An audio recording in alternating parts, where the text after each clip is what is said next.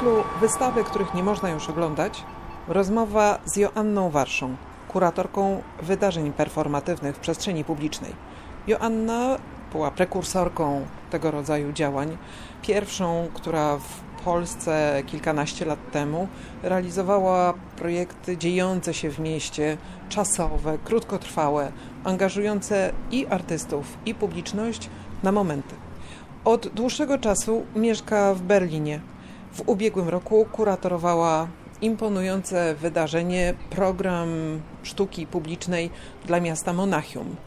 O tym, jakie wnioski płyną z realizowania tego rodzaju projektów dzisiaj, tej konkretnej sytuacji i politycznej, i społecznej, w której znajduje się Europa, i w tej bardzo specyficznej sytuacji, w której znajdują się także kuratorzy i artyści chcący działać w przestrzeni publicznej, rozmawiałam z Joanną. Pretekstem do tej naszej rozmowy była publikacja.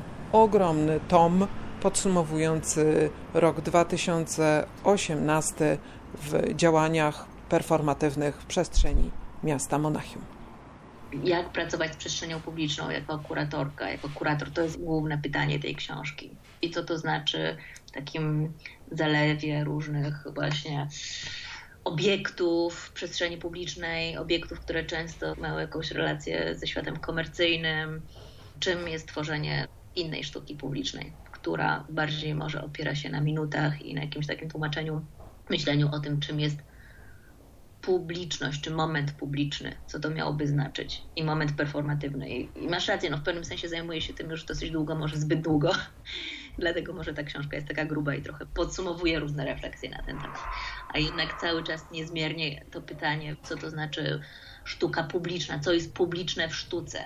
Mówimy jakby sztuka w przestrzeni publicznej, czy to chodzi tylko o przestrzeń publiczną, czy też chodzi o to, czym jest sztuka publiczna. Czy to jest coś dla publiczności, czy to jest coś dla informacji publicznej, czy dla dobra publicznego. Co prawda książka jest o Monachium, ale zwłaszcza w naszej części Europy ta relacja z tym, co publiczne jest bardzo problematyczna, bo bardzo długo to, co było publiczne, to było coś złego. Transport publiczny, szpital publiczny, to się wciąż kojarzy z czymś, co jest niestety wciąż kojarzy z czymś, co jest jakby nieefektywne, nieciekawe, szare i tak dalej. I wydaje mi się, że pracując w przestrzeni publicznej trzeba sobie jakby stawiać te pytania i próbować jakby pracować ze sztuką, która wszystkie te dylematy wydobywa stamtąd. Ta książka jest, y, na pewno jest podsumowaniem tej rocznej pracy, tak ponadrocznej, którą wykonałaś w Monachium.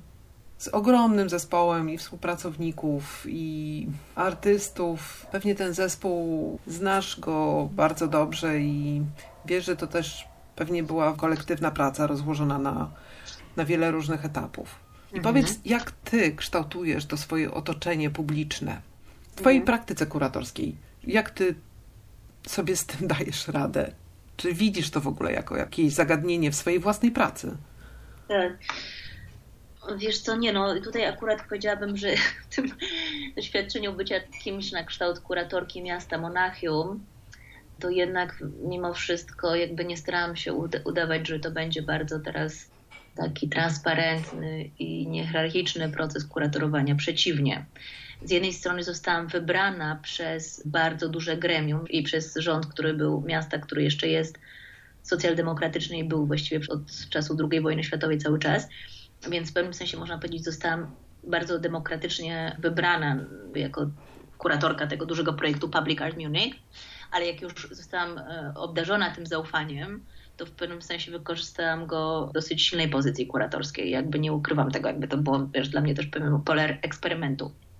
Natomiast oczywiście interesują mnie takie pytania, na przykład jak wiesz, można używać sztukę do produkcji właśnie wspólnotowości albo do też innych rzeczy wychodzących na pole sztuki. Na przykład jednym z przykładów Public Art Munich było to, to jest opisane też w tej książce, że jak wiesz, może Monachium, e, jak pamiętamy zresztą wiesz, z mediów, prawda, Monachium przyjmowało bardzo tak entuzjastycznie uchodźców w 2015 roku i bardzo wielu przyjechało z Austrii, z Węgier i tak dalej na dworzec Monachium, gdzie byli witani z otwartymi ramionami. I z jednej strony to oczywiście był tylko taki krótki moment, moment, który na przykład Elżbieta Matynia nazywałaby demokracją performatywną, prawda? To jest taki moment, w którym jakby społeczeństwo coś performuje, jednocześnie dokonuje się jakaś zmiana to też mnie interesowało w momentach, prawda, tej ekonomii momentu, ekonomii chwili, ekonomii jakby przeżycia czegoś. Więc w efekcie wielu uchodźców przyjechało do Monachium i w Monachium też powstał taki, bardzo wielu mieszkańców zmobilizowało się i powstał, można powiedzieć, taki jakby info, no jakby takie welcome center, prawda? Tak jakby centrum, takie centrum informacji dla uchodźców. I jednocześnie to się stało trochę takim centrum sztuki, to się nazywa Bellevue de Monaco. To było zrobione też w bardzo monachijski sposób, dlatego że to było jakby odzyskanie budynku budowanego przez kolejnego bardzo bogatego dewelopera w tym mieście, którym, którym już ciężko jest w ogóle przeżyć za normalną pensję, ponieważ czynsze bardzo wzrastają. Więc to był też taki sukces, można powiedzieć, aktywizmu miejskiego, przekazanie budynku, który miał być kolejnym hotelem na to, żeby on się stał teraz centrum dla uchodźców. I na przykład pracowaliśmy w tym centrum, pracowaliśmy tam z artystami, którzy jednocześnie są uchodźcami, ale też z artystami monachijskimi, którzy stawiają sobie pytanie, jak można użyć narzędzi sztuki do tego, żeby na przykład inaczej przygotować aplikację o pozwolenie na pobyt. I na przykład jak wykorzystywać fotografie w ten sposób, żeby one były pomocne w rozpatrzeniu tych aplikacji i tak dalej. Więc w pewnym sensie sztuka była jakby zaprzęgnięta w pewną produkcję wspólnotowości, w pewną produkcję tego, co publiczne, w takim sensie, wiesz, kto, kto będzie obywatelem, a kto nie i tak dalej.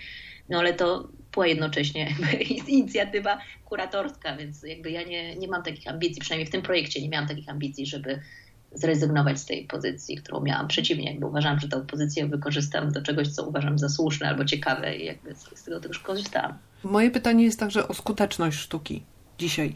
Myślę, że to jest jedno z takich ważniejszych pytań, które sobie możemy postawić.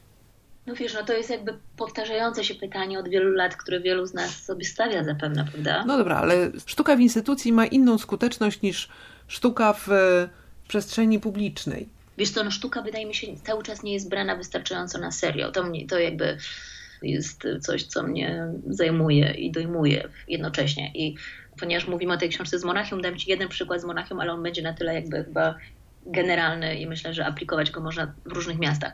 Mianowicie Monachium jest ten historyczny stadion olimpijski, który otworzył się w 1972 roku na olimpiadę w Niemczech, która jak wiemy była taką olimpiadą, która miała jakby pomóc Niemcom przybrać takie oblicze demokratyczne, transparentne, zamknąć rozdział, koszmarny rozdział II wojny światowej i tak dalej. I to właśnie odbyło się w Monachium w 1972 roku. Rzeczywiście tam doszło, zresztą jak pamiętamy, do tych zamachów terrorystycznych, również dlatego, że właściwie nie było policji, bo było jakby takie, było wielkie zaufanie społeczne, że nie potrzebowano już, wydawałoby się, nie potrzebna była ochrona czy policja, nikt nie był sprawdzany i tak dalej. Mniejsza o to. Dzisiaj ten stadion niesamowity, jakby zaprojektowany przez Otto Frey i Guntera Benisza, przykład jakby takiej, wiesz, latającej architektury, można powiedzieć.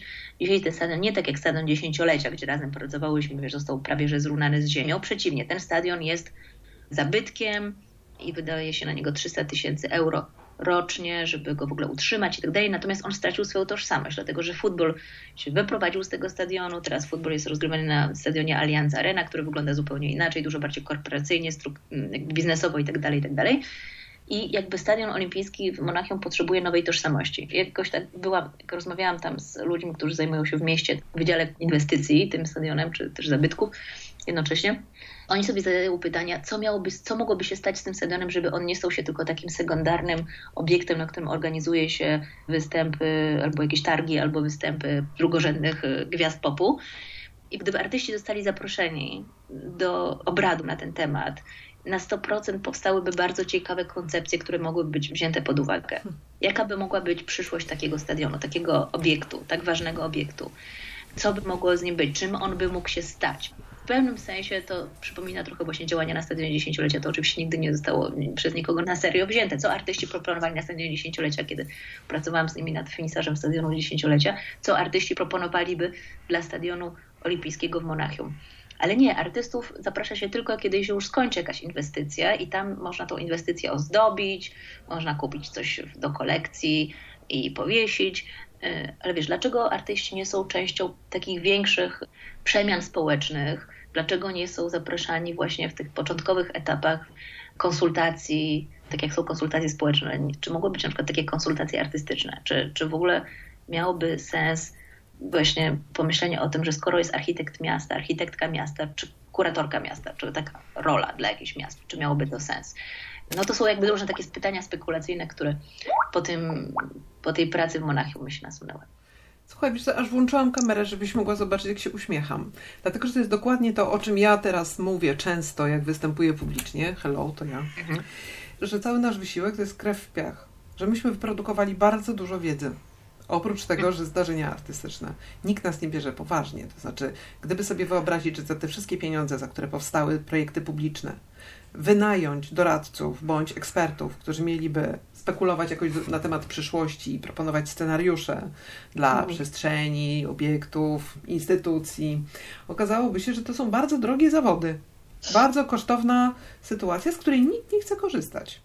Wiesz, no to jest pytanie o znaczenie sztuki w społeczeństwie. Mhm. Sztuka z jednej strony bardzo się do niej przywiązuje dużo uwagi i jest jakby traktowana z dużym nabożeństwem, ale być może nie na tym etapie, na którym my byśmy sobie tego mhm. życzyły. Wiesz, może w pewnym sensie taki jakby ekonomia atencji gdzieś w tym, jak sztuka jest produkowana, operowana, używana w społeczeństwie powinna być może zostać przesunięta. I nie, nie dla całej sztuki, bo zaraz pojawią się ludzie, którzy zaczną mówić, no jak to, ale przecież to sztuka musi też nic nie chcieć i w ogóle nie być uzależniona żadnej ideologii. Owszem, owszem, owszem, na taką sztukę też będzie zawsze miejsce, ale dlaczego też nie spróbować jakoś już zaprząść do procesów społecznych na innym etapie. I są niektóre przykłady i potem te przykłady są przez wszystkich cytowane, na przykład Mirle Laderman Ukeles, taka artystka z Nowego Jorku, która w 1976 roku sama otworzyła własne biuro, jakby taki artist in residence, rezydencję artystyczną w zarządzie oczyszczania miasta w Nowym Jorku.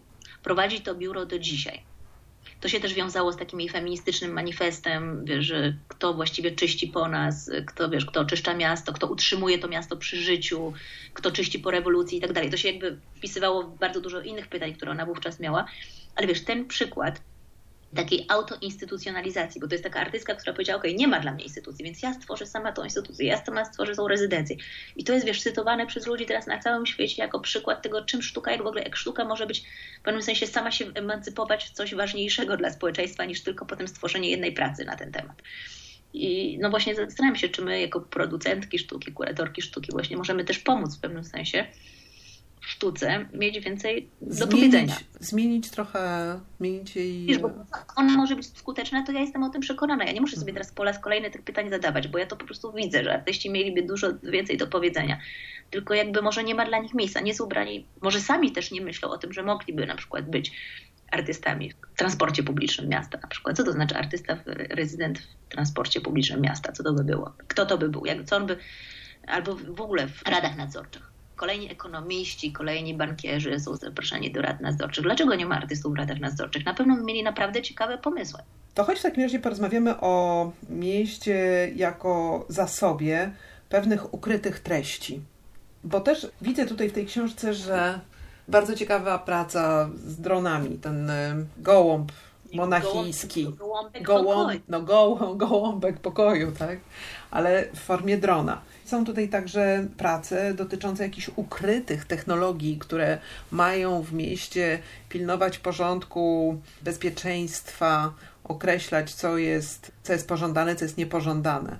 Do jakiego stopnia to odkrywanie tego, co jest w mieście właśnie zakryte, czy powinno być narzędziem niedostrzegalnym przez obywateli, czy też wręcz zaoferowanym im jako pewien pakiet bezpieczeństwa w jaki sposób te fakty mogą być, czy były przez artystów przechwytywane i ujawniane w tych pracach artystycznych? Co się przy okazji okazało?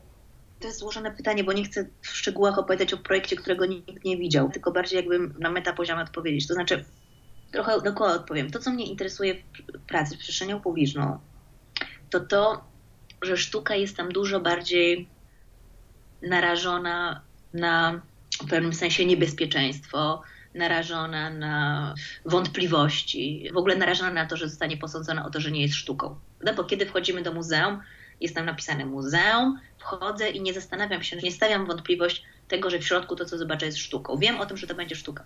Natomiast w przestrzeni publicznej nie ma tej gwarancji, prawda? Bo bardzo wiele osób, które przechodzi, które tam się znajdzie, nie wie, że to jest wydarzenie związane, związane ze sztuką. Tak więc kwestionuje tę sztukę, musi być do niej przekonanym, Być może jest to ich pierwsze spotkanie ze sztuką. I to mnie jako kuratorkę jakby fascynuje. W pewnym sensie obronić sztukę wobec tych, którzy nie biorą tego jakby za coś pewnego.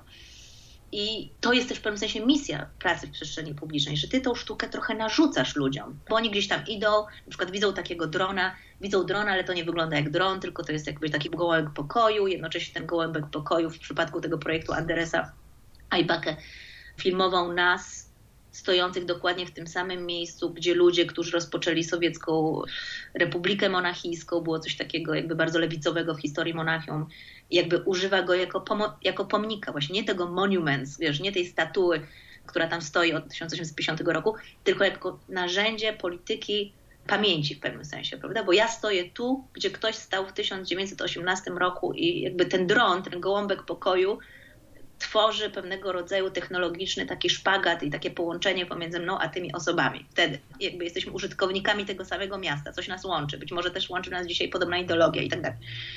Więc ciekawi mnie to, jak można tych wszystkich rzeczy w przestrzeni publicznej używać do tego, żeby tworzyć coś, co się nazywa kontrpublicznością. To jest takie pojęcie też w sferze publicznej. Kontrpubliczność. Ono zostało zresztą po raz pierwszy, też pisze o tym Ewa Majewska, użyte przez kogoś, kto pochodzi z Monachium, czyli Aleksandra Kluge, takiego niemieckiego, znanego dosyć reżysera filmowego, ale też myśliciela i tak dalej. I on po raz pierwszy zauważył, krytykował Habermasa i jego rozumienie sfery publicznej, że to rozumienie sfery publicznej, na którym oparte jest wiele muzeów, też do dzisiaj, jakby tej sfery burżuazyjnej, jest jakby to pojęcie publiczności, które mamy, które odziedziczyliśmy, jest już oparte na wykluczeniu bo to była sfera publiczna tylko jednej klasy. I wtedy zbudowano muzea. To jest bardzo szlachetne, że zbudowano te muzea publiczne dla wszystkich, ale ci wszyscy, to nie byli wszyscy, to była de facto tylko jedna bardzo duża, ale wiesz, duża grupa społeczna. I my wszyscy jakby z tym się zmagamy. Wydaje mi się, że często czujesz, czuje się wchodząc do muzeum pewne poczucie onieśmielenia albo wiesz, wiele osób y, pochodzących na przykład z innych części Europy, przyjeżdżających powiedzmy do Niemiec, też do Polski, wiesz, być może czuje się onieśmielonych w tym muzeum. Dlaczego? Dlatego, że to, to jest jakby część pewnej sfery publicznej zbudowanej tylko dla jednej grupy w pewnym czasie. I sztuka publiczna właśnie powinna być tą sztuką, która umożliwia eksperymentowanie z tym, czym byłoby rozbicie tej bańki, jakby sfery publicznej przynależącej do jednej grupy. Czym jest kontrpubliczność? Jak produkować tą kontrpubliczność? Można ją produkować właśnie przez, przez przypadkowe spotkanie, przez wypadek, przez y, narzucenie się, przez tworzenie sytuacji, która jest niekomfortowa, ale do której musisz się odnieść, prawda? I to jest w pewnym sensie wielka misja, wielkie zadanie ludzi i artystów, i oczywiście kuratorów, którzy pracują przestrzeni publicznej. I wydaje mi się, że jak pracujesz w przestrzeni publicznej, to po pierwsze musisz to lubić. Musisz lubić tą niepewność, musisz lubić to, że to będzie zawsze wystawione na jakieś niebezpieczeństwo, że ktoś może zawsze to zniszczyć, że ktoś może to zawsze obrazić i tak dalej. Jakby czy umiesz z tym pracować? I wtedy się tworzy ta kontrpubliczność, bo wtedy ktoś o to przynajmniej się zastanowił nad tym jakby ma jakiś do tego stosunek. No i tak, i w ogóle też jakby jak sprawić, żeby ta kontrpubliczność potem nie zapomniała o sztuce, tylko jakby pomyślała, że to jest może coś wartościowego i proponującego inny zestaw wartości niż tylko taki czysty neoliberalizm i konsumpcję w przestrzeni publicznej. Dobra, to ja jeszcze to dobiję tą kontrpublicznością, o której nie wiemy. To jest jakiś trzeci rodzaj publiczności. To jest ta, to jest ta bardzo szybko ucząca się sztuczna inteligencja, która nas obserwuje, która monitoruje tak. to, co się dzieje w przestrzeni publicznej. I tu masz do czynienia z wytworzeniem się bardzo wdzięcznego obserwatora. I to widać też w tym Twoim projekcie, że gdzieś Miasto jest także przestrzenią ciągłej obserwacji kogoś, kogo nie znamy, nie rozumiemy, nie jesteśmy w stanie nawet, nawet jeżeli go zaprojektowaliśmy, to coś, to nie jesteśmy w stanie jakby dociec, w jakiej roli występujemy w tamtym świecie. I co z tą nową publicznością? Publicznością tak, tak. danych, Joanna. Tak, absolutnie. Znaczy, wiesz, po pierwsze, wydaje mi się, że właśnie ta, wiesz, publiczność, kontrpubliczność i tak dalej, to i tak wszystko się wyczerpuje, ten paradygmat się wyczerpuje, dlatego że nadchodzi zupełnie inna jakby, sfera publiczna, która jest tą cyfrową sferą publiczną i która jakby zmienia nas nieodwracalnie i wydaje mi się, że wszyscy musimy się informować na ten temat, żeby to w ogóle zrozumieć i zrozumieć, jak się w tym poruszamy. I tutaj na przykład artyści też są pomocni, prawda? Bo takie inicjatywy jak Forensic Architecture, czy właśnie Franz Wanner, który w Monachium z nami pracował, to są ludzie, którzy w pewnym sensie, artyści, którzy w pewnym sensie mówią, OK, to ja będę pracować z tym, żeby sprawić, żeby ta informacja została publiczna, upubliczniona, prawda? Więc to też jest praca ze sferą publiczną. Franz Wanner akurat sam pracując z takim whistleblowerem, z służb specjalnych, niemieckich służb specjalnych, wydobył na światło dzienne informacje o tym, że jednym z głównych wież kościoła głównego mohammedańskiego tutaj też mieści się jakby takie centrum dowodzenia, można powiedzieć, czy jakby filmowania i tak dalej. Więc jakby to jest też ciekawe, że ta sytuacja z sztuczną inteligencją, z tą mega nadzorem przestrzeni publicznej też oczywiście prowokuje bardzo ciekawe projekty artystyczne, które w pewnym sensie są w służbie publicznej, czy można powiedzieć służbie publicznej, żeby wydobywać te wiadomości na światło dzienne. I, ale i tak to jest być może za mało. I tak artyści pójdą, mam nadzieję, jeszcze dalej w pewnym sensie i będą pracować i trochę to robi Janek Simon w zupełnie innych sferach, w sferach muzeów i tak dalej, jak też jakby pracowaliśmy ostatnio razem. Czyli jakby jak człowiek może iść w parze z tą, i artysta może iść w parze z procesami sztucznej inteligencji, procesami machine learning i jakby używać tych narzędzi w inny sposób niż do, do społeczeństwa kontroli. Czyli jakby czy można w ogóle myśleć o tych narzędziach w sposób socjalistyczny? Jaki byłby ich użytek w sposób socjalistyczny? I to jest coś, co, co na pewno jakby jest wielkim obszarem potencjalnym obszarem do wiesz, przemyślenia w sferze publicznej. Czy kiedy pracujesz z artystami, uważasz, że oni się w pewnym sensie osadzają w formatach, czy oni się cały czas uczą? Czy ty powodujesz, że oni sami są konfrontowani ze swoimi przyzwyczajeniami wobec przestrzeni publicznej? Czy one nie są jakieś takie, że właśnie, że one powodują, że ten kontakt z tym żywiołem, o którym ty mówisz, którym jest przestrzeń publiczna, staje się nadmiernie usystematyzowany właśnie po to, żeby sztuka mogła w nim zaistnieć. Od strony twórcy. My wszyscy cierpimy, pokutuje pewne takie bardzo nieseksy podejście do przestrzeni publicznej i ono się wywodzi zapewne z czegoś, co się nazywa pejoratywnie po angielsku plop art, co znaczy jakby taki, wiesz, coś, co spada gdzieś z nieba, spada jakaś rzeźba, i ona wiesz, gdzieś tam tkwi, właściwie nikt nie wie skąd ona się tam wzięła, bo jakiś deweloper ją w pewnym momencie sfinansował i tak dalej. Jakby wydaje mi się, że przestrzeń publiczna i rozumienie i praca w przestrzeni publicznej wielu artystów wzbudza pewnego rodzaju niechęć, również dlatego, że pokutuje pewne właśnie taki negatywny, niezbyt fascynujący obraz pracy w przestrzeni publicznej. Natomiast wydaje mi się, że no chciałabym prowokować artystów do tego, żeby zachęcić ich do tego. Może nie dla wiesz, nie każdy się dobrze z tym czuje, ale zachęcić do tego, że być może to jest jedna z najbardziej fascynujących sfer, że to jest być może dużo ciekawsze niż praca w muzeum i w białych ścianach, że to jest coś, co umożliwia tej pracy naprawdę umieszczenie się w kontekście, w pewnym sensie spotkanie z kompletnie różnymi widzami czy odbiorcami, których wcześniej nie, miał, nie mogły być i być może być to czasami najbardziej z fascynujących form, w którym sztuka może wybrzmieć. Wiesz, no takie mam ambicje, a jednocześnie też jako kuratorka bardzo często, wiesz, lubię pracować robiąc jakieś nowe zamówienie, prawda, tworząc pracę od zera. Więc bardzo często też, no nie każdy artysta coś takiego lubi, ale jakby ci, co lubią, to wydaje mi się też mamy z tego jakąś satysfakcję, prawda, że budujesz coś razem i często budujesz to w jakimś kontekście. Na przykład jeden z przykładów z Monachium, już ostatnim, jest to, że z Monachium nadawało Radio Wolna Europa. Bardzo, bardzo niewielu Monachijczyków o tym wie i sobie zdaje z tego sprawę, że w jednym z głównych centralnych parków przez 60 lat mieściło się amerykańskie Radio Wolna Europa, które jak wiemy nadawało we wszystkich językach bloku wschodniego. I zaprosiłam artystę z Forensic Architecture Lawrence Abu Hamdan do tego, żeby jakby całe takie swoje archiwum dźwięków i tego, jak on się dzisiaj zajmuje nieszczelnością i dźwiękami, polityką dźwięków, żeby to umieścić w tym kontekście Radia Wolna Europa. I oczywiście na początku jakby to było dla niego Radio Wolna Europa, wiesz, a to, co on dzisiaj robi, to są jakby nieprzystające do świata, ale potem w, w ramach, w miarę jakby researchu okazało się, że to jest właśnie być może bardzo ciekawy sposób zrozumienia z dzisiejszej perspektywy tego, czym było radio, które głosiło w swoim głównym sloganie, że żelazna kurtyna nie jest dźwiękoszczelna. Prawda? Czy czym jest dzisiaj dźwiękoszczelność? I jak dźwiękoszczelność dzisiaj używana jest do celów politycznych? I być może właśnie to, to tło Radia Wolna Europa pozwoliło jeszcze researchowi i pracy Lorenza zabrzmieć jeszcze bardziej ciekawie. Więc i to jest jakby największa satysfakcja, jaką możesz mieć jako kuratorka, jeżeli czujesz, że ten w pewnym sensie mariaż kontekstów i pracy artystycznej jeszcze jakoś pozwoli tym dwóm stronom lepiej wybrzmieć. I wiesz, tego sobie też generalnie życzę z przyszłych projektów. Super. Wspaniała końcówka rozmowy.